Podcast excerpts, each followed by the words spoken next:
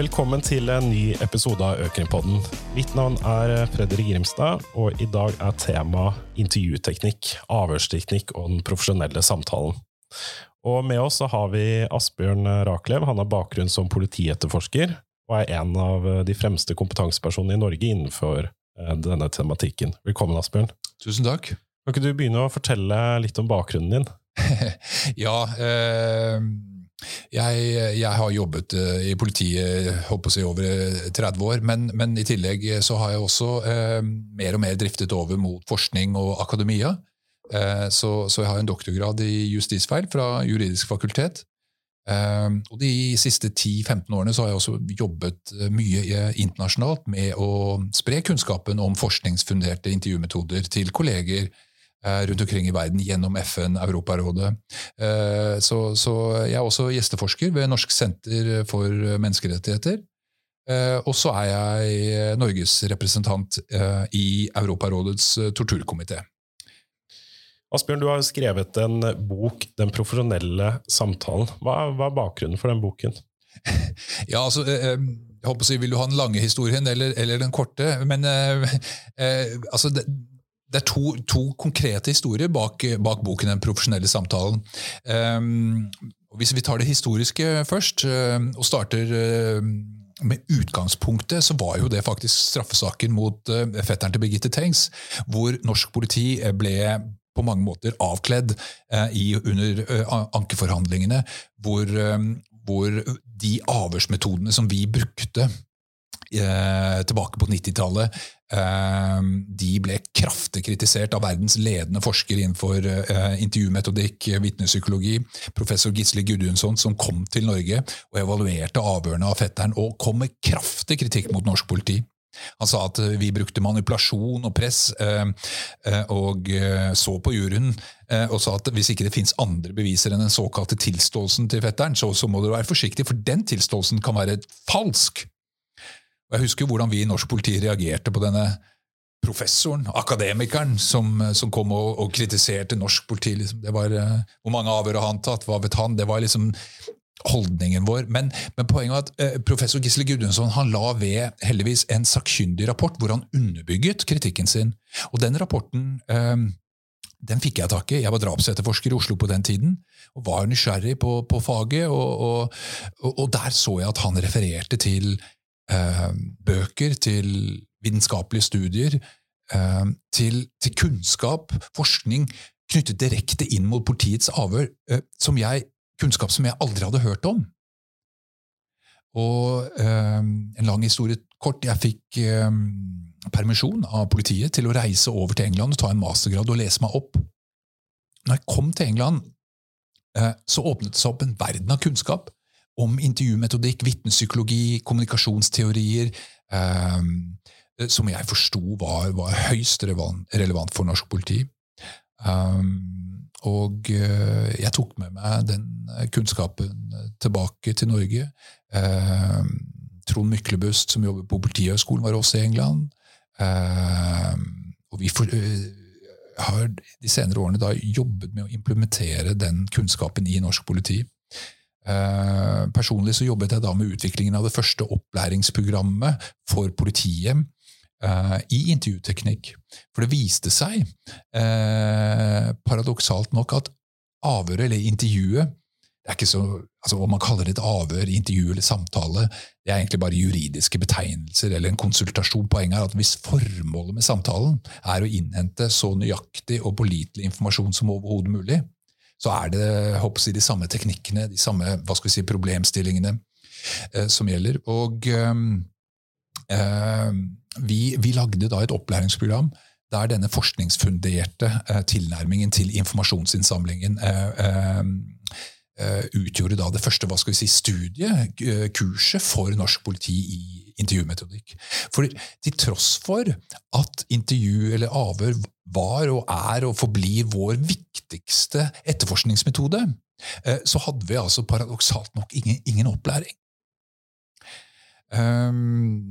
Det ble en suksess. Eh, Politihøgskolen skjønte ganske raskt at dette var et konsept som måtte ut nasjonalt til hele politiet.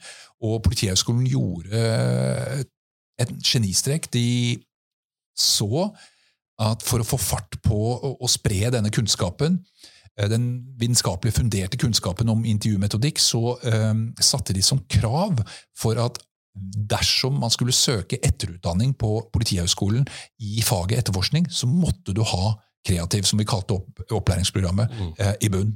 Og Da ble det fart på sakene, og vi utdannet instruktører i alle politidistriktene som reiste ut og, og, kurset flere tusen politifolk. I dag eh, er Norge i et globalt perspektiv kommet langt. Vi var det andre landet i verden som tok til oss den forskningsfunderte kunnskapen. Eh, og eh, de siste 10-15 årene så har jeg jobbet mye internasjonalt med å spre kunnskapen videre til Eh, ja, gjennom FN, Europarådet osv. Eh, Europarådet var for øvrig i Norge i 2018 og undersøkte hvordan det sto til i Norge med avhørsmetodikk, for de hadde hørt om utviklingen. Men én ting er papiret, men nå vil de undersøke hvordan det faktisk sto til og, og, og, reiste rett inn i sentralarresten i Oslo og snakket med de som satt fengslet der, og ja, hvordan de opplevde politiavhøret osv. De snakket med forsvarsadvokater osv. Og, så og, og skrev da sin eh, rapport tilbake til den norske regjeringen Eh, fra Europarådet, hvor, hvor, de viet et kapittel til norske politiavhør, og hvor de sa at i lys av det vi har funnet, så framstår da kreativ, eller altså eh, avhørsmetodene eh, som eksempel til etterfølgelse for resten av Europa. Så i et globalt perspektiv så har vi kommet langt. Og det betyr ikke at vi er ferdigutviklet i politiet, og, så videre, men, men husk på det, disse endringene kom altså i kjølvannet av de, de, vanskelige straffesakene som vi nå eh, leser om. Baneheia-saken, Birgitte-saken, eh, Thomas Quick osv. Eh, hvor feilene eh, oppsto nettopp i politiavhøret. Men dessverre, denne endringen kom for sent for disse sakene. Men vi har tatt et oppgjør med den hva skal vi si, erfaringsfunderte, eh, eh gammeldagse metoden til nå en forskningsfundert eh, mer informasjonsinnsamlende metodikk. Eh, så det, det, er på en måte det historiske eh, hva skal vi si, bakteppet. Eh, så helt konkret når det gjelder boken Den profesjonelle samtalen, som jo er skrevet egentlig for alle andre profesjoner, som det viser seg også har intervju eller samtalen, møter eller konsultasjoner som en svært viktig del av sin hva skal vi si, primære oppgave Ehm, i, arbeid, i, det daglige arbeidet, så viser det seg at det er ganske mange andre profesjoner som har, eh, som heller ikke har fått noe opplæring i intervjumetodikk, samtaleteknikk, til tross for at det er en veldig viktig del av deres arbeidsoppgaver. Og ehm, eh, det var vel i, i, altså i, kjølvannet av, eh, av terrorsaken 22. Uh, juli 2011, hvor, hvor uh, avhørsmetodene våre fikk mye oppmerksomhet i media. ikke sant? Jeg, jeg, jeg var faglig ansvarlig for, for, for avhørene av, av, den mistenkte terroristen, og det, det, det sto mye om, om, avhørene, og den saken naturlig fikk internasjonal oppmerksomhet også. og der var det en av avhørerne våre som, som, var i det teamet som, som hadde ansvar for avhørene av terroristen. og Geir Egil Løken han, han, ble profilert i media, og uh, dette leste uh, Nicolai Tangen om uh, da Nicolai Tangen var ja, jobbet med finans i London. og han intervjuet, det vil Si han inviterte Geir Egil og for så vidt meg også over til London, for han var også veldig interessert i forskningsfunderte intervjumetoder. Han hadde ikke hørt om det. Men, men han for, det han forklarte oss, var at mine ansatte og jeg selv som leder gjennomfører mange samtaler der formålet er å innhente så nøyaktig og pålitelig informasjon som overhodet mulig. Så dette ville han høre mer om. Og etter at vi hadde pratet med han, og Geir Egil holdt et hva skal vi si, innledende kurs, så sa han at alle mine ansatte skal ha denne metodikken. Og Det spennende er jo da at eh, Nikolai eh, senere har jo blitt sjef for oljefondet vårt, og, og, og har også der sagt at alle som, som, jobber med informasjonsinnhenting gjennom intervju og samtaler, eh, skal ha denne kunnskapen og opplæring i det. Og Det var han som oppfordret oss til å skrive denne boken for andre profesjoner, hvor vi beskriver kunnskapen som ligger til grunn for intervjuteknikkene, for modellen. som så I kapittel én av boken her liksom, gir vi et hva skal vi si, teoretisk uh, innføring i vitnepsykologi, kommunikasjonsteori, beslutningspsykologi, Ehm, de etiske prinsippene eh, som ligger til grunn for samtaleprinsippene. Og så i del to så beskriver vi uh, metoden, eh, den forskningsfunderte, anbefalte metoden for profesjonelle samtaler. Hvor vi deler da intervjuet, samtalen, inn i sine kritiske faser. Mm. Hva består denne kreative metoden av? Hva er de kritiske fasene i samtalen? Ja, Eh, altså Det er i Norge vi kaller det kreativmetoden, men, men, men den internasjonale eh, betegnelsen er jo investigative interviewing. Eh, altså undersøkende intervjuteknikk.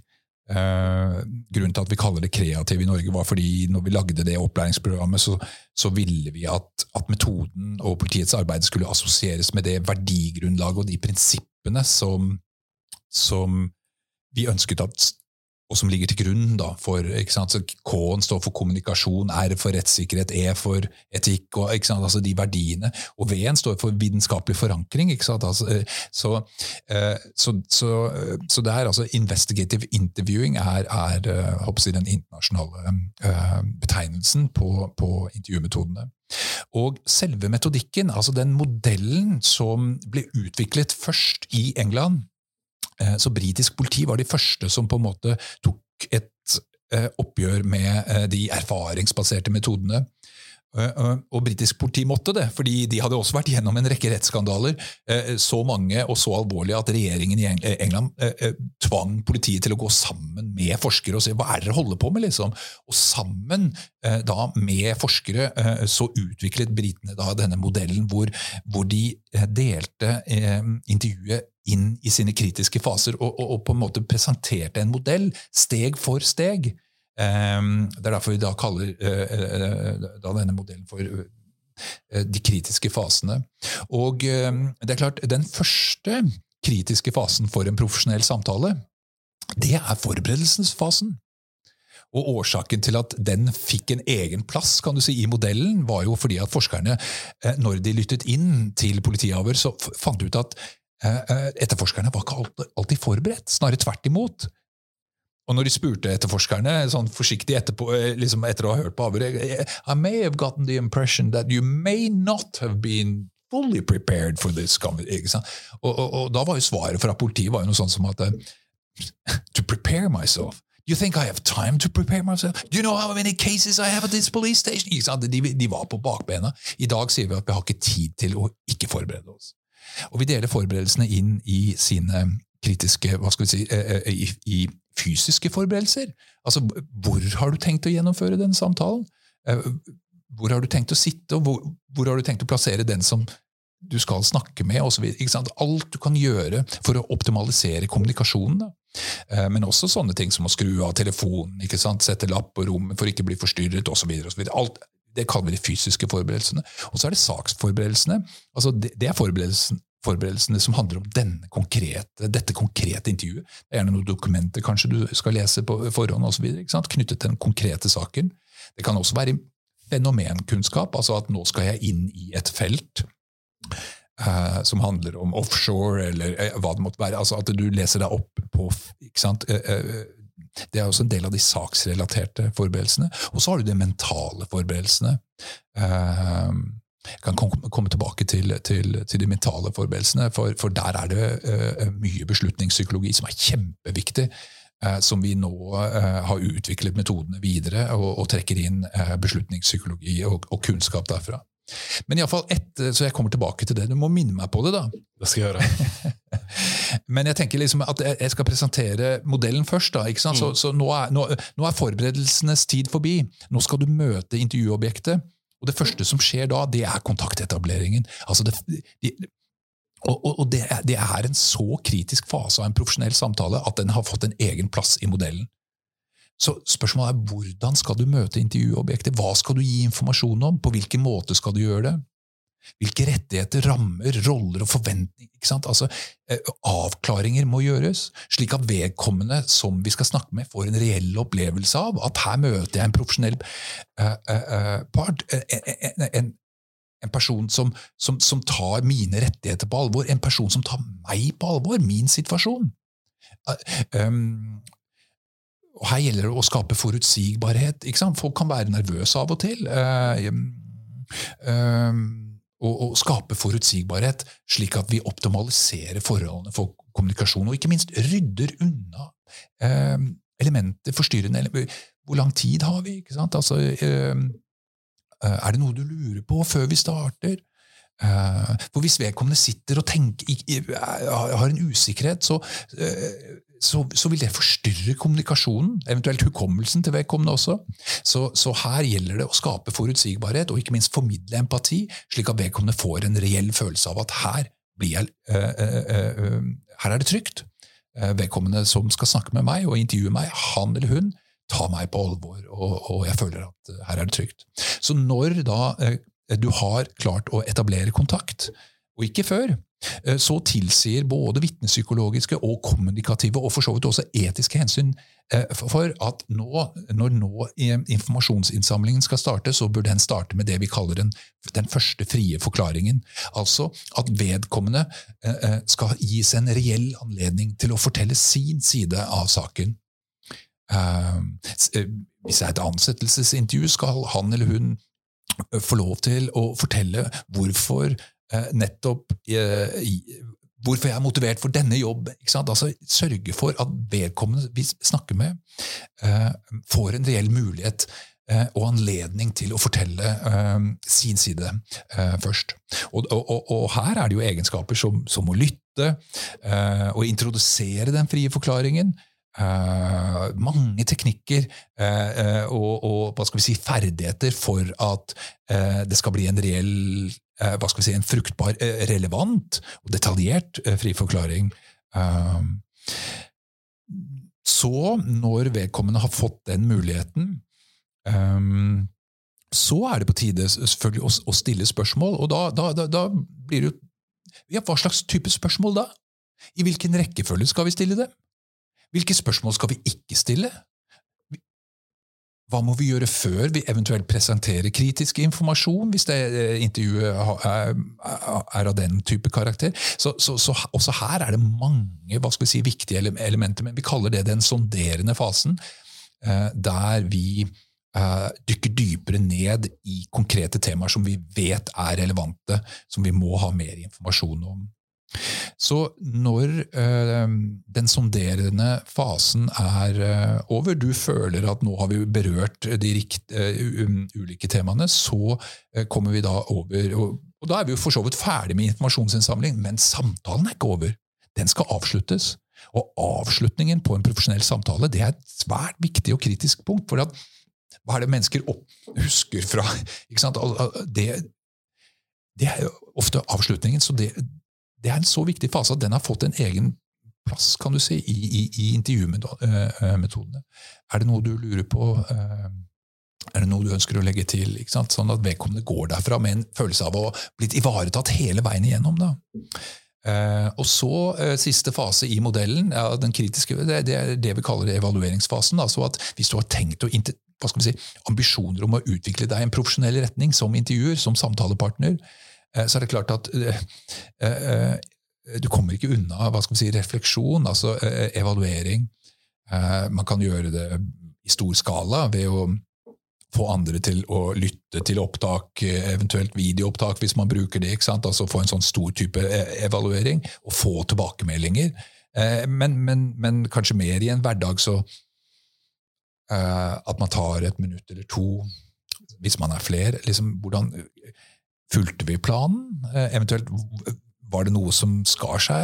Ja, hvorfor det? Og når vi da har en modell og kunnskap, så kan vi lettere identifisere på en måte ikke sant, I gamle dager, hvis vi var i dårlig avhør eller dårlig ikke sant? Nei, nei han var, var, eh, var mistenkt eh, vrang fyr, ikke sant? eller bare, bare, ferdig med det. Men, mens nå, når man har en modell og kunnskap om kommunikasjonsteori osv., så, videre, så kan man gå inn og ja, og de beste avhørerne vi har i politiet, det er jo de som, som er kritiske og evaluerer seg selv hele tiden. ikke sant?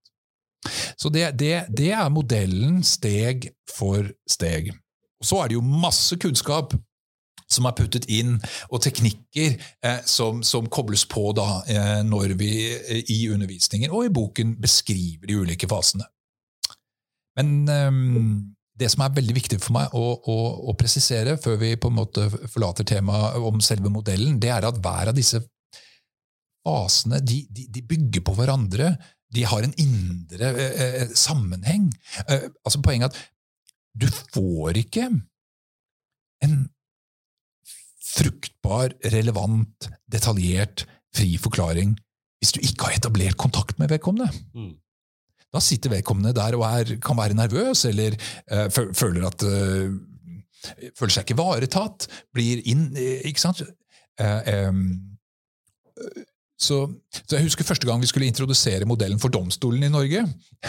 Jeg har reist faktisk ganske mye rundt i alle domstolene og, og, og, og undervist i de samme intervjumetodene eh, for dommerne. Og Da husker jeg det var en dommer som sa at det der med Jeg overdriver litt, men altså han sa det der med fri forklaring, det funker ikke i retten. Uh, jeg har prøvd mange ganger. Funker ikke.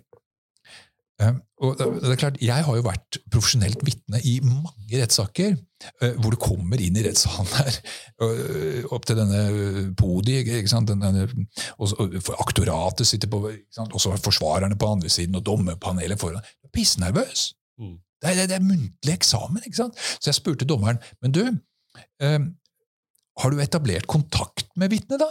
spurte jeg dommeren. Og da ble det litt sånn humring i salen, ikke sant? fordi at dommerne forsto at nei, Eh, det første du får vite, at det er straffbart å lyve, og bang, ikke sant? hva skjedde? Eh, mm, så, nei, eh, så, og får du ingen fri forklaring, så sklir du rett inn i den sonderende fasen.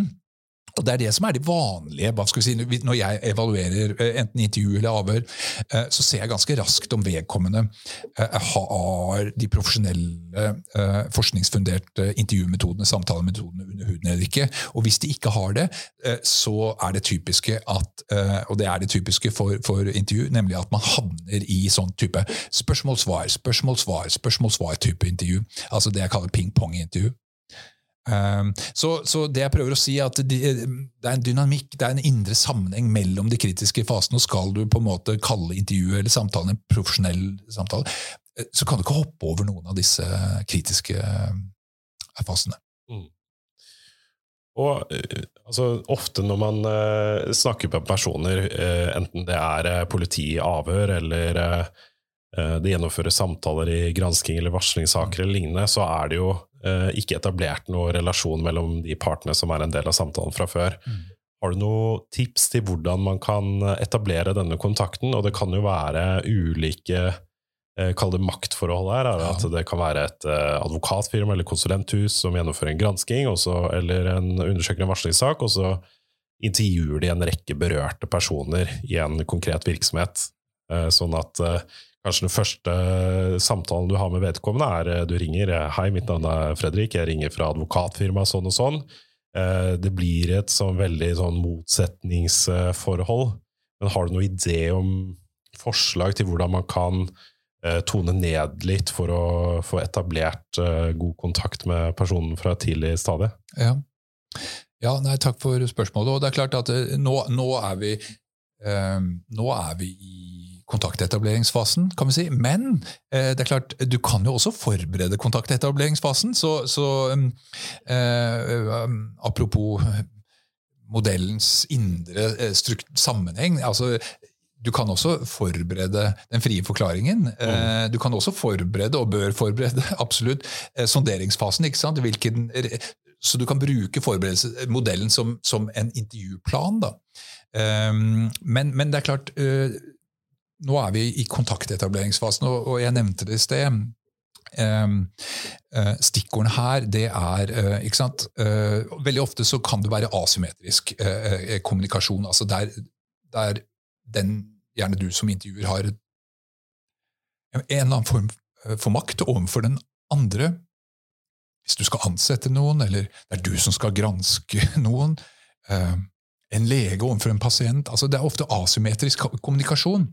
Og eh, før vi fikk innsikt i kommunikasjonsteorier og hva som faktisk stimulerer kommunikasjon, eh, så hadde vi jo en slags misoppfatning i politiet om at, at, at, eh, at vi i denne fasen enten skulle øke denne makten, eh, liksom skjevheten, asymmetrien, eller vi skulle velge den andre metoden, eh, som var liksom å fremstille deg som mistenktes beste venn. sørge for, Hvis han var varetektsfengslet, så skulle vi hente han ut av varetektsfengselet før de serverte mat der, sånn at du kunne gi han maten. Liksom, og, eller eh, ha en tørkerull på kontoret, sånn han, han ser den, men han når den ikke selv, sånn at du kan gi han den, med det understreke din medmenneskelighet. Liksom, altså. Men altså, dette er manipulasjon, altså, med et formål. Jeg skal, ha han til, ikke sant? jeg skal under huden på han. Liksom, så, det, så, så så vi hadde ulike eh, teknikker for dette før, men de eh, er for det første de tåler ikke, altså For det første eh, så er noen av dem ulovlige og var strengt uetiske, eh, bedragerske på mange måter. Og for det andre så viser systematisk forskning at det er det fins mer effektive måter å gjøre det på. Og det handler om åpenhet, ærlighet, å gi informasjon eh, om måten jeg har tenkt å gjennomføre intervjuet på, hvem jeg er, eh, hva min oppgave er. Um, altså, og, um, og det, det, det å Og det viser seg, forskning viser seg faktisk at de etterforskerne som klarer å følge metodikken med å presentere, altså de presenterer seg selv, eh, um, gir så mye informasjon som overhodet mulig om eh, hva oppdraget mitt er, hvordan jeg har tenkt å gjennomføre intervjuet, hvilke rettigheter hva eh, du eventuelt har om taushetsplikt osv. Eh, sørge for at vedkommende eh, får en anledning til å sant, spørre om det er noe han eller hun lurer på, eh, tar ned, skape forutsigbarhet og, og, formidle empati. At jeg er innforstått med din situasjon. liksom. De, de, de intervjuerne som, som, klarer det, det, det, er de som får mest informasjon, også av mistenkte terrorister. Altså, eh, vi har britiske forskere nå som eh, har studert 2000 timer med britiske avhør av mistenkte terrorister, som ikke alltid er um, Hva skal vi si Ikke alltid stoler på politiet? Altså, som, som, kanskje er vanskelige intervjuobjekter. Men det viser seg at det er de etterforskerne som, som har forstått at kommunikasjon stimuleres gjennom eh, å gi informasjon og ta ned den asymmetrien så, eh, så, langt som mulig. Det er de som får mest informasjon. Mm. Um, så um, Ja, nei, uh, kort fortalt uh, Forklar rammene, og, og fortell hvordan du har tenkt å gjennomføre intervjuet. Skap forutsigbarhet. Gi informasjon. Og ved å gjøre det, så tar du ned eh, asymmetri. Mm. Kort fortalt. Og Du har nevnt at disse fasene også går i hverandre og overlapper. Og Du har vært inne på dette med eh, forberedelser, at det, det, er viktig. Og eh, Du nevnte du skulle komme til, eh, til mentale forberedelser. Men hvis du sier noe om mentale forberedelser og eventuelt eh, fysiske forberedelser man må gjøre i forbindelse med en samtale? Ja, takk skal du ha. Eh, altså, mentale forberedelser, la oss eh, ta det. Uh, det er et kjempespennende uh, og veldig viktig poeng knyttet til profesjonelle samtaler. Fordi i de senere årene i, i, 2009 så leverte jeg doktoravhandlingen min knyttet til justisfeil. Altså hva er det som går galt med politiets etterforskning når det går galt? Og det fins mange ulike variabler. Sånn Umiddelbare variabler kan være vitner som lyver, eller en mistenkt som tilstår falskt, eller en eh, teknisk laboratorieundersøkelse som, som, som med feilkonklusjon. Altså det kaller vi de umiddelbare variablene. Men det vi som forsker på hva skal vi si, granskninger og etterforskninger som går feil, eh, det vi ser i hver eneste sak vi studerer, det er de underliggende årsakene som går igjen i hver eneste sak. Og det er det vi på folkemunne kaller for, for bekreftelsesfeller. Altså ulike former for ubevisste mentale forenklingsstrategier. Eh, det er mye forskning som viser at når et menneske setter seg inn i en sak og skal løse et problem eller treffe en avgjørelse, på et eller annet tidspunkt ubevisst, så gjør man seg opp en mening. Mm. Det er ikke sikkert du merker det engang men vi gjør det. Dette er fantastiske mekanismer som hjelper oss til å overleve i den sosiale hverdagen. Uten disse forenklingsstrategiene så hadde vi ikke kunnet overleve som sosiale vesener. Altså, vi ville blitt handlingslammede, deprimerte, frustrerte. Linda Lai, professor på BI, har jo skrevet boken 'Dømmekraft'. Hennes doktoravhandling tilbake i 1999, men det er kjempegod innføring i tematikken beslutningspsykologi. Eh, Kahneman har jo vunnet eh, altså Nobelsprisen eh, i økonomi for nettopp sin forskning innenfor beslutningspsykologi. Og dette er relevant for oss som jobber med granskning og etterforskning, problemløsning. Fordi på et eller annet tidspunkt så gjør vi oss opp en oppfatning. Og straks vi har gjort det, uten at vi merker det, så starter vi å søke etter informasjon som bekrefter vår oppfatning av hvordan verden henger sammen. Vi merker det ikke selv. Nøytral informasjon, altså informasjon som verken taler for eller imot den, den, den etablerte syn, det tar vi til inntekt. Hva var det jeg sa? Men det skumleste form, egenskapene med, med, de ubevisste kognitive forenklingsstrategiene eller bekreftelsesfellene er at vi som mennesker har en tendens til å ignorere, i verste fall, eller bortforklare informasjon som peker i en annen retning. Og det er klart det at Når vi Eh, eh, setter oss ned og forbereder en samtale, et, jobbintervju, eller vi har lest en granskning osv., um, så må vi ha metodikk som tvinger oss til å tenke alternativt. For hvis ikke, eh, så går vi inn i intervjuet, ofte ubevisst, og starter å søke etter bekreftelser på det vi allerede mener å vite, bevisst eller ikke. Så i de mentale forberedelsene så jobber vi nå eh, med etterforskerne til å stille opp eh, alternative hypoteser. Sett at jeg har fingeravtrykket ditt på et åsted. da.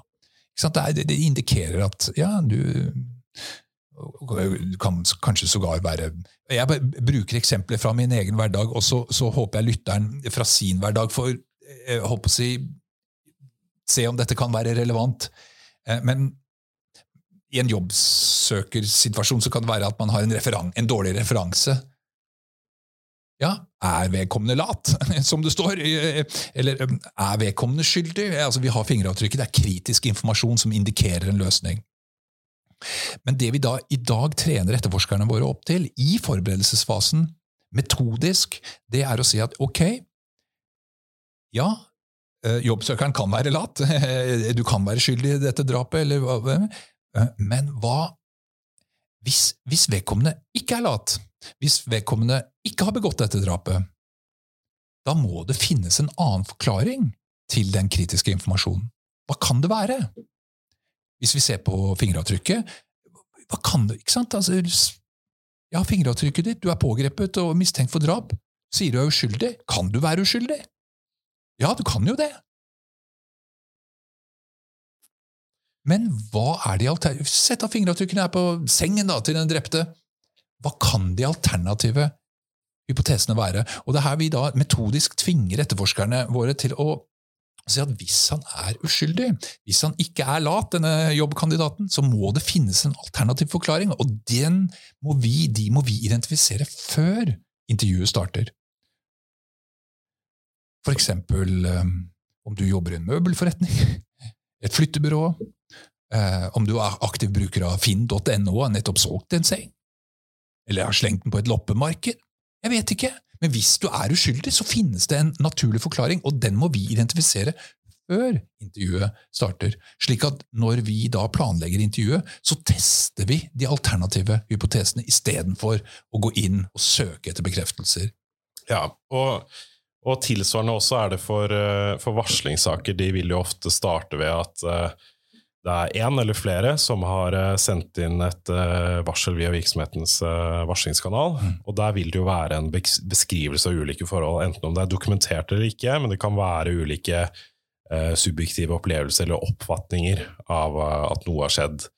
Og da vil det jo være litt tilsvarende hvis du går inn i den samtalen med den holdningen her, at du skal uh, intervjue omvarslede, mm. og rett og slett uh, få personen nærmest til å tilstå mm. på at de, de, forholdene er sanne, i stedet for å ha et åpent tankesett om uh, at det kan være veldig mange ulike opplevelser eller tanker omkring ulike, ulike forhold, ja. og da ikke være låst til, til én eller noen få ulike hypoteser. Ja, absolutt. Altså, det er kardinalfeilen, og det er menneskelig. Og har vi ikke metodikk altså, forsk, ikke altså vi, vi, påvirkes av disse be be bekreftelsesfellene. Eh, altså det er jo hovedkonklusjonen i doktoravhandlingen min. ikke sant? Hva fant jeg etter å ha studert uh, granskninger som går feil, eller etterforskning som går feil liksom på fem år? Liksom, hva fant jeg? Liksom? Ja, det er, Svaret er påvirkningen, den ubevisste påvirkningen av uh, bekreftelsesfellene.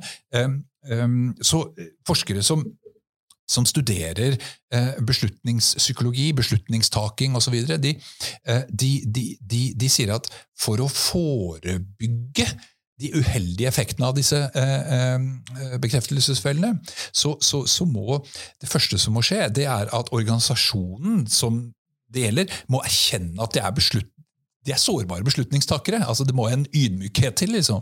Og så må man eh, gi de ansatte eh, og, eh, og, organisasjonen kunnskap om, i, i, beslutningspsykologi, om hvordan de ulike bekreftelsesfellene virker osv.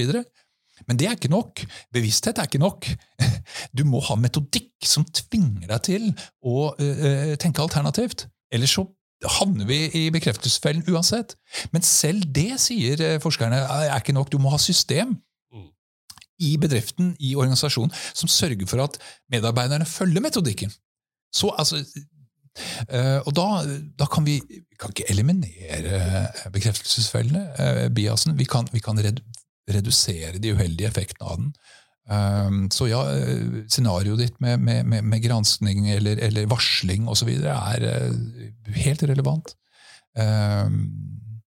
Så vi må tenke som Sherlock Holmes, um, som alltid stiller seg selv uh, to spørsmål. og Det er en grunn til at han er anerkjent som verdens uh, smarteste detektiv. Og forfatteren nok, var, nok, et geni. ikke sant? Altså, han, han, sørget jo for at sin gransker, Sherlock Holmes, han stilte seg alltid spørsmål. ikke sant? Ja, nå vet vi dette. Hva kan forklaringen være? Han stilte seg alltid, Hva kan dette bety? Men han stoppet ikke der. Han sa hva annet kan det bety? Mm. Og da kan vi jo gå litt uh, over på dette med fri forklaring, da. Mm. Uh, ulike måter å ramme inn den frie forklaringen. Du har nevnt at du må legge uh, gi tilstrekkelig informasjon for at man skal kunne gi en fri forklaring på den informasjonen du leter etter. Eh, hva om du ikke får en fri forklaring? Eh, personer er jo ulike. Det kan være noen som er eh, eller noen synes at de står i en veldig ubehagelig situasjon ved å bli stilt eh, spørsmål. Mm. Eh, eller de er egentlig litt usikre på Sitter de egentlig på relevant informasjon? Mm. Eh, Fins det noen teknikker for å motivere en person til å, til å gi, gi, fri forklaring? Mm. Ja, altså Som vi snakket om i sted, så det er klart det at øh, jo flinkere vi er i kontaktetableringen, jo mer informasjon vi gir vedkommende, jo mer forutsigbarhet vi skaper osv., jo større er sjansen for at vedkommende faktisk klarer og ønsker å gi en detaljert friforklaring. Mm. Så nøkkelen der ligger i kontaktetableringen, som vi allerede har snakket om. Og Så gjelder det å introdusere den frie forklaringen. Eh, da, eh, og eh, her er det viktig å eh, fortelle vedkommende at 'jeg var ikke på det styremøtet'. Altså, eh, eh, men min oppgave er jo å finne ut av hva som skjedde. du var der. Så jeg vil nå lytte til deg og, og, og, gi deg anledning til å fortelle så mye du husker fra dette styremøtet som overhodet mulig. Um, og um, Man kan bruke ulike teknikker. For, for, du må fortelle vedkommende at 'jeg ønsker detaljer', og vi har god tid. Fordi Hvis du bare spør 'hva skjedde på styremøtet', fortell. Det var et vanlig styremøte. Starta klokka ti og avslutta tolv. og ja, Ferdig med det, liksom. Ble fatta noe du vet, hvis, Når vi møtes ikke sant, Du møter en kollega som har vært på ferie. ikke sant, Hei, åssen var ferien? Ja, jo, jo, jo, det var Mallorca, kjempefint og deilig vær. Og, ja, kult, men altså, fordi at I den sosiale hverdag, når vi stiller hverandre spørsmål, så, vi, så skal vi egentlig bare være korte? Hvis du begynner å 'Å, Mallorca, jeg var på Mallorca, kultur' La meg fortelle deg om museet? Bla, bla. og du bare begynner å titte på klokka. Altså, så, men nå er vi i en profesjonell samtale. Vi, vi, nå skal vi ha det, det, alle detaljer fra det styringsmøtet. Det er, he, det er kjernen av saken. Men da må vi forklare vedkommende at det er ikke sant? Ellers så, av høflighet eller vanlig, av, av norm, så bare, er det mange som bare liksom eh, 'Det var helt vanlig.' Mm, mm, mm. Så, så, så, du trenger å forklare vedkommende at jeg, vil, jeg trenger detaljer. For å vise én teknikk som vi kan bruke i politiet, f.eks. Hvis, hvis, hvis jeg intervjuer et vitne eh, som har observert noe, sett, la oss si at jeg har sett bankraneren, bare for å ta et eksempel.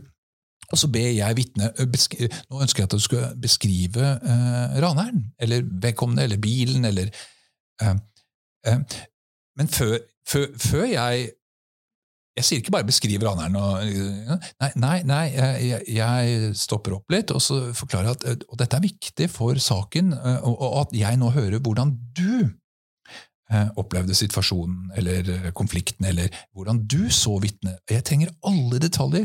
Jeg ønsker at du skal beskrive vedkommende så detaljert at eh, og vi har god tid, og ta med alle detaljer. altså Ta med så mye detaljer at hvis vedkommende kommer gående nedover Karl Johan sammen med 100 andre, Eh, så skal jeg med bakgrunn i beskrivelsen du uh, gir meg, klare å plukke han ut. Skjønner du hvor detaljert? Så de, Du må hjelpe dem å på en måte um, Det er ikke alltid det lykkes. altså Noen er introverte, og, og, og, og, du klarer ikke å Så da er det vel kanskje et hint om at du ikke har lykkes i kontaktetableringen helt. Men andre teknikker kan jo være ikke sant, at um, jeg skjønner det kan være vanskelig å svare på det spørsmålet, jeg, men eh, før jeg stiller ytterligere spørsmål eh, Er det noe i denne saken som, som opptar deg spesielt? Er det noe som du uh, tenker eller hva, hva, tenker du er det viktigste? ikke sant? Altså starte Og så, og så ja, jeg er ikke blitt hørt i det hele tatt. Altså, og så, så, er det det de sitter og tenker på. Mm. Jeg er ikke blitt hørt i det hele tatt. fordi sånn, sånn, sånn, Og så, så, så kan det plutselig åpne opp, um, og, og, så er det i gang. Mm. Um, ja. Um, men nøkkelen ligger i kontaktetableringen og, og, og, det, og introduksjonen. Uh, og så kan det jo hjelpe da å ha forberedt akkurat introduksjonen til den friforklaringen. Du kan godt gjøre det på sparket der og da, og noen ganger lykkes du, andre ganger Men det er klart at hvis du har tenkt gjennom hvordan, hva kan være en god inngang her til akkurat denne samtalen, så er sjansen for at du lykkes oftere, da. Mm, absolutt. Mm. Uh, noen ganger har jeg også valgt å bruke en uh, teknikk med stillhet mm. for å signalisere at jeg venter på noe mer. Den kan jo selvfølgelig ikke bli for lang, for da det finnes jo en viss terskel for, eh, for når eh, det blir ubehagelig eller kan oppleves eh, manipulerende, men, men i norsk kontekst da så fortsetter de som regel ganske raskt hvis det er en stillhet på over fem sekunder. Absolutt. Nei, altså Stillhet er jo en, det er jo en teknikk, det å lære seg å bruke stillhet jeg husker første gang vi introduserte eh, disse metodene, disse intervju, forskningsfunderte intervjumetodene for norsk politi. Eh, så Grete Metli, som i dag er jeg, kriminalsjef i Oslo politidistrikt, hun, hun jo, har jo vært med på helt fra utviklingen av, av, av konseptet. Og hun hadde tilbake i 1999-1998 mer formalkompetanse i intervjuteknikk og kommunikasjonsteori enn hele drapsavsnittet til sammen. Fordi Grete var en av de som fikk utdannelse i avhør av barn etter Bjugn-skandalen. Og, og, det Grete fortalte oss, hun var jo med i arbeidsgruppen for utviklingen av konseptet osv., og, så og det hun fortalte oss, det var jo det at um, jeg nyter stillheten, jeg, sa hun. Eh, og, og, vi andre bare, for, for, for oss var det veldig uvant. Men det er utrolig effektivt, og etisk også riktig. Eh, det går en grense hvor, hvor, hvor stille, men, men, eh, men, men, å bruke stillhet og gi vedkommende anledning til For dette kan være et viktig spørsmål, det kan være vanskelig å finne inngangen. Eh, hva skal jeg si? Hvordan skal jeg fremlegge dette? Det å gi vedkommende anledning til, til å tenke seg om, og tørre å la det være stille i rommet, er kjempeviktig. Mm.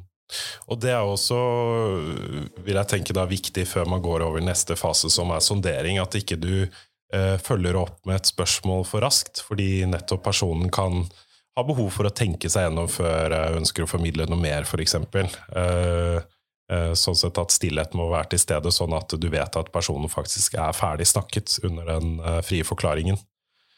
Men i en uh, ideell verden så har man jo all tid tilgjengelig uh, for en fri forklaring. Uh, dessverre så er det jo ikke alltid sånn i næringslivet. Og noen ganger kan det være et behov for å styre samtalen noe. hvordan kan man gjøre det?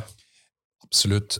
Men poenget er at den frie forklaringen eh, det er, eh, det, er, mange som tenker at å, den frie forklaring, det har vi ikke tid til osv. Hvis du introduserer den frie forklaringen på en, en, en, riktig gjennomtenkt måte, og lykkes med det, og har etablert kontakt eh, Det behøver ikke å ta veldig lang tid, forutsigbarhet. Så er det også veldig effektivt. Altså vi gjør, Når jeg reiser rundt i, i verden, så gjør vi en, eh, en, sånn liten øvelse på dette, her, sånn at eh, folk skal kjenne på kroppen og oppleve at det er også ganske effektivt. Fordi det er klart at Hvis du får en relevant fri forklaring, så kan du sitte og stryke si, halvparten eller mange av spørsmålene du hadde tenkt å stille. Og, og, og beskrive, eh, Øvelsen vi gjør, da, er jo at vi deler eh, eh, etterforskerne som vi utdanner inn i små grupper. Én skal være vitne, én skal tenke på en nabo, Eh, og så eh, skal da eh, vedkommende som skal intervjue vitnet, Han kjenner jo ikke denne naboen, men han skal få så mye detaljer fra naboen som overhodet mulig. Og så har vi en person til som er observatør. Og så sier vi nå skal vi undersøke hvem av dere her i klassen som er den beste intervjueren. Og det som skjer da Og så sier vi at du har bare fem minutter på deg. Nå skal du få så mye informasjon om bare fem minutter på det. Og, og, og, og uh, intervjuere etterforskere som ikke har innsikt i uh, profesjonelle samtaleteknikker, de bare kjører i vei. Hvor høy var han? Hvor gamle var han? Altså, verdensrekorden ble satt i Jakarta for noen år siden. 43 spørsmål på fem minutter! Og det er jo da observatøren som teller spørsmålene. De, de, de, de som spiller, intervju og vitne de vet ikke hva observatør, men observatøren er der for å telle spørsmål. Og mange av de ledende. Mens, mens når, så kan jeg vise hvordan man kan løse denne oppgaven eh, ved å få enda mer informasjon, eh, nesten uten å stille et eneste spørsmål, nemlig å bruke en introduksjon til en fri forklaring. Um, så det er ikke eh, det kan også være effektivt, men det forutsetter jo at du, du introduserer den frie forklaringen hva skal vi si, inn, eh, slik at den blir relevant. Man kan jo tenke seg f.eks. at i et investeringsselskap da, så, eh, så, vet jeg det at eh, når man har slike intervjuer eller møter hvor, hvor, hvor eh, de som vurderer å investere, gjerne får en presentasjon av administrerende direktør eller så kan man si noe sånn som at uh, jeg forstår at uh, Og det er helt naturlig at du nå bruker litt tid på å fortelle om potensialet i, i firmaet, og det har du sikkert planlagt. Uh, men, men, men, når vi nå ber deg om å fortelle fritt om, om ditt selskap, så, så, skal du vite at vi, vi forventer at du tar tak i de utfordringene som dette markedet, og altså, hvilke utfordringer ditt, uh, du ser uh, for firmaet ditt. ikke sant? Altså, fordi vi, vi, har lest budsjettene og vi har lest resultatene, og, så videre, og du må gjerne presentere dem, men, men, men, for oss er det veldig viktig å, å, å, å få vite om, om, du har dyp innsikt i de utfordringene som vi, nettopp ditt selskap står overfor de neste fem årene. Så det må Du ikke sant? Altså, du kan styre samtalen inn mot temaer som Eh, så eh, ja. Eh, fri forklaring kan også være svært effektivt. Ikke minst hvis du lykkes med å introdusere en relevant fri forklaring, for da trenger du ikke å stille så mange oppfølgingsspørsmål. Mm. Og dersom det er behov for å følge opp med ytterligere spørsmål, så går man inn i denne sonderingsfasen. Eh, hvilke type spørsmål eh, kan og burde du stille, og hvilke spørsmål burde du absolutt ikke stille? Ja, eh, altså for, for, det første eh, eh, Når vedkommende har gitt sin friforklaring, um, og du kanskje har brukt litt stillhet, kanskje kommer det mer, nei, det gjør ikke det, eller det kommer litt mer, og nå, nå, nå, nå er det på tide å starte sonderingen, uh, så er det viktig å ta ett og ett tema. Ikke, ikke still, liksom, fortell om det og det og det, og det. Så ta ett tema av gangen, og start alltid hvis mulig, med et tema som vedkommende nevnte selv i sin første friforklaring. forklaring.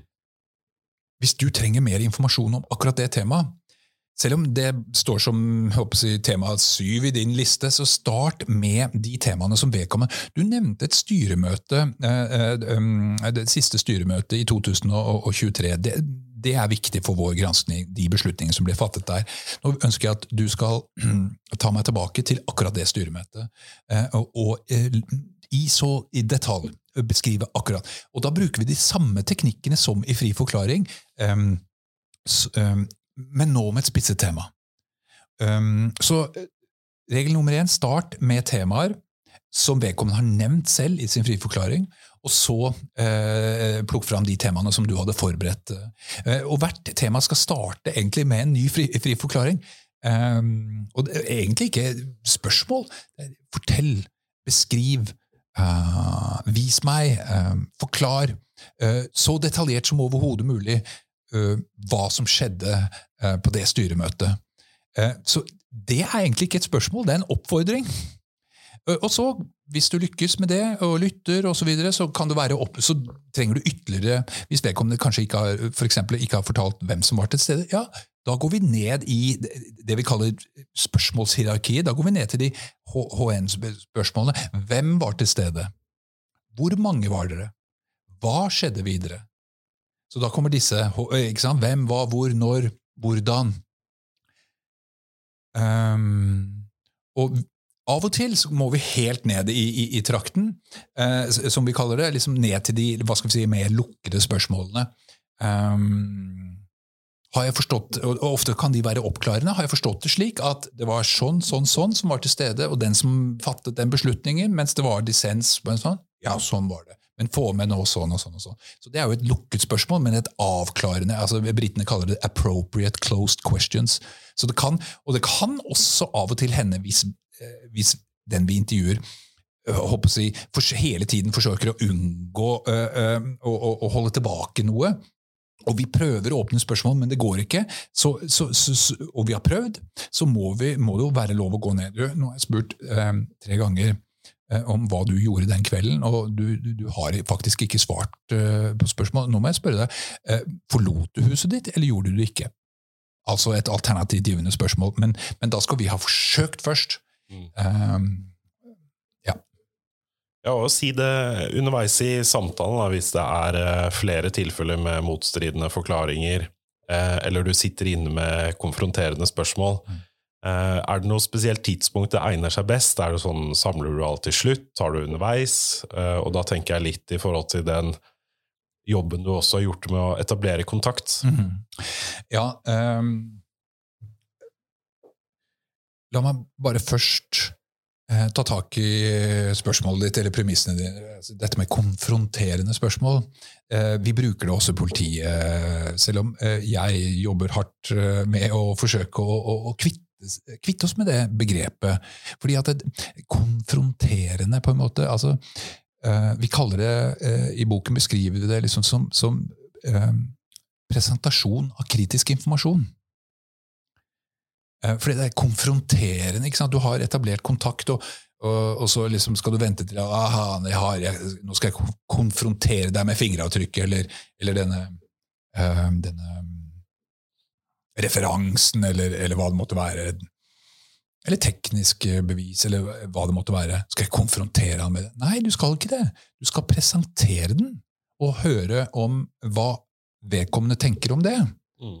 Så Det har noe med mindsettet vårt å gjøre. for Det var visse kolleger som sa at de, de gruet seg til å konfrontere, for de hadde etablert kontakt og så videre, De syntes det var ubehagelig. Og Det tror jeg rett og slett lå i, i begrepet. Og det, det, vi assosierer med å konfrontere, det er liksom men, men, men, nei, tenkningen er at jeg skal presentere kritisk informasjon. Og når skal jeg gjøre, gjøre det?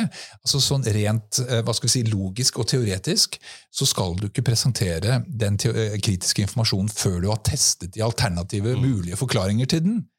Um, altså i tilfellet i sted fra, fra drapssaken hvor du var mistenkt for fingeravtrykkene dine var på sengen til den drepte, så har jeg nå spurt hvor du har jobbet, eh, om du bruker finn.no, nei, du gjør ikke det, om du har vært på loppemarked, nei, du gjør ikke det, og, og, og så videre. Og når jeg har testet alle de alternative mulige forklaringene, så skal jeg presentere uh, uh, den kritiske informasjonen.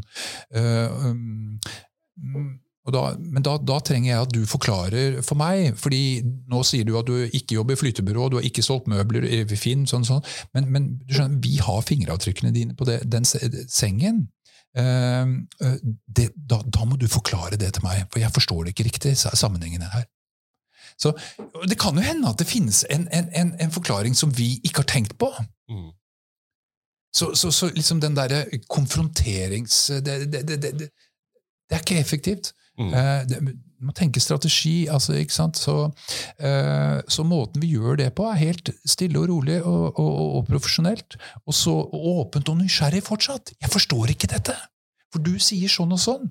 Men jeg har snakket med tre andre som har, som har fortalt noe helt annet fra dette, eh, dette styremøtet. Og det, da trenger jeg å høre din forklaring uh, på det. Så, det er jo også for å fortsatt uh, unngå denne bekreftelsesfellen. Absolutt. absolutt. Dette er helt, helt det, det, det, det, er to sider av samme sak. Jeg er nysgjerrig. Mm. Kanskje det finnes en annen forklaring. Eh, så, så, så, dette henger sammen med forberedelsene, de mentale saksrelaterte mm. forberedelsene. At hva må jeg teste ut før jeg presenterer den kritiske informasjonen? Ja. Uh, og når jeg presenterer den, så gjør jeg det på en måte som er respektfull i den forstand at det kan hende at det finnes en forklaring som vi ikke har tenkt på. Mm. Uh, og uansett, hvis de ikke gjør det, og, klaske den i bordet, på en måte, da risikerer du å bryte kommunikasjonen. Ah, faen, du, var stole, du var ikke noe, respekterer ikke meg. Men hvis du presenterer det på en måte at ok, nå har du forklart dette, det stemmer ikke. Det du har fortalt til oss nå, eller meg nå, det, det, det stemmer ikke overens med sånn og sånn. sånn. Det, det forstår, kan du forklare det for meg? Så kan det hende at sjansen for at vedkommende, hvis, hvis, han har forsøkt å unndra seg eh, eller holde tilbake informasjon, sier han ja, faen, jeg skal fortelle deg. Så, ikke sant? Mens, mens klasker i bordet. Liksom, det, det gammeldags uh, uh, Jeg skal ikke si barnslig, men altså, det er uprofesjonelt. Mm. Og er absolutt ikke mer effektivt. Mm.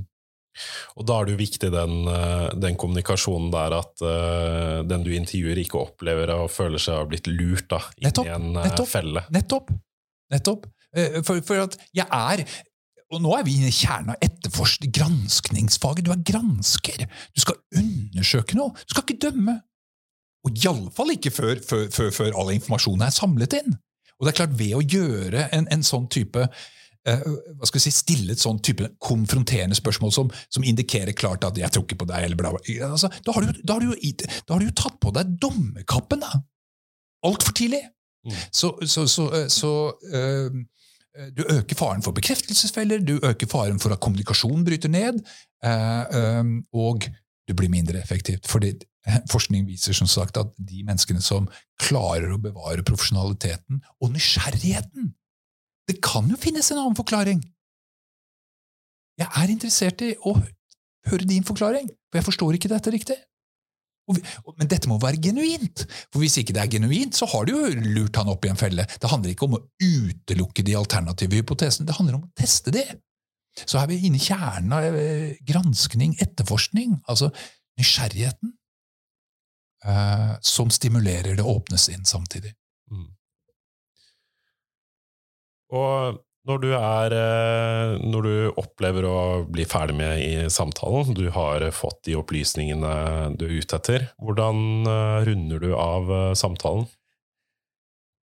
Ja, altså det, det viktigste det er at du er deg selv bevisst om at nå er jeg inne i en avslutt, nå skal vi avslutte. og at du, gjør, at du, er deg selv bevisst om at det, det dette, Jeg er ikke ferdig. Nå er det viktig å få en positiv, god, profesjonell avslutning.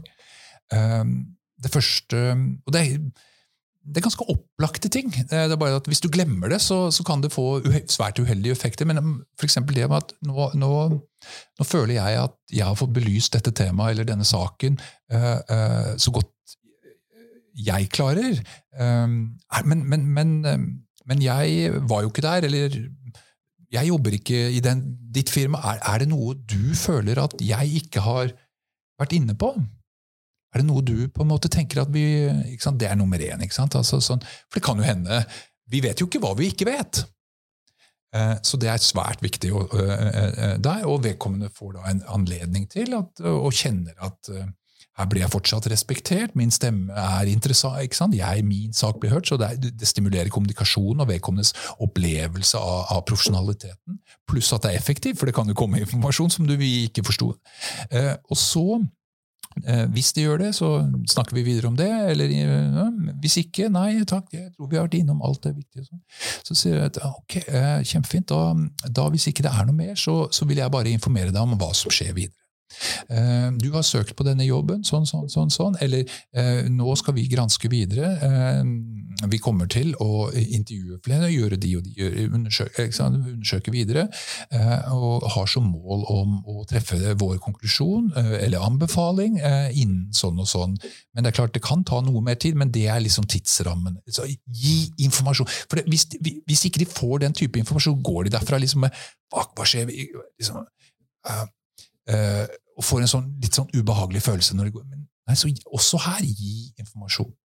Eh, to stikkord som eh, si, fanger opp kjernen av, av, en profesjonell avslutning på en profesjonell samtale. Mm. Det var flott. Jeg tenker det er uh, passende også å avslutte vår samtale her. Tusen takk for at du kom til Økrimpodden, Asbjørn. Tusen takk skal du ha. Du har nå lyttet til Økrimpodden en podkast om økonomisk kriminalitet fra advokatfirmaet Erling Grimstad. Husk å følge podkasten der du lytter til podkast.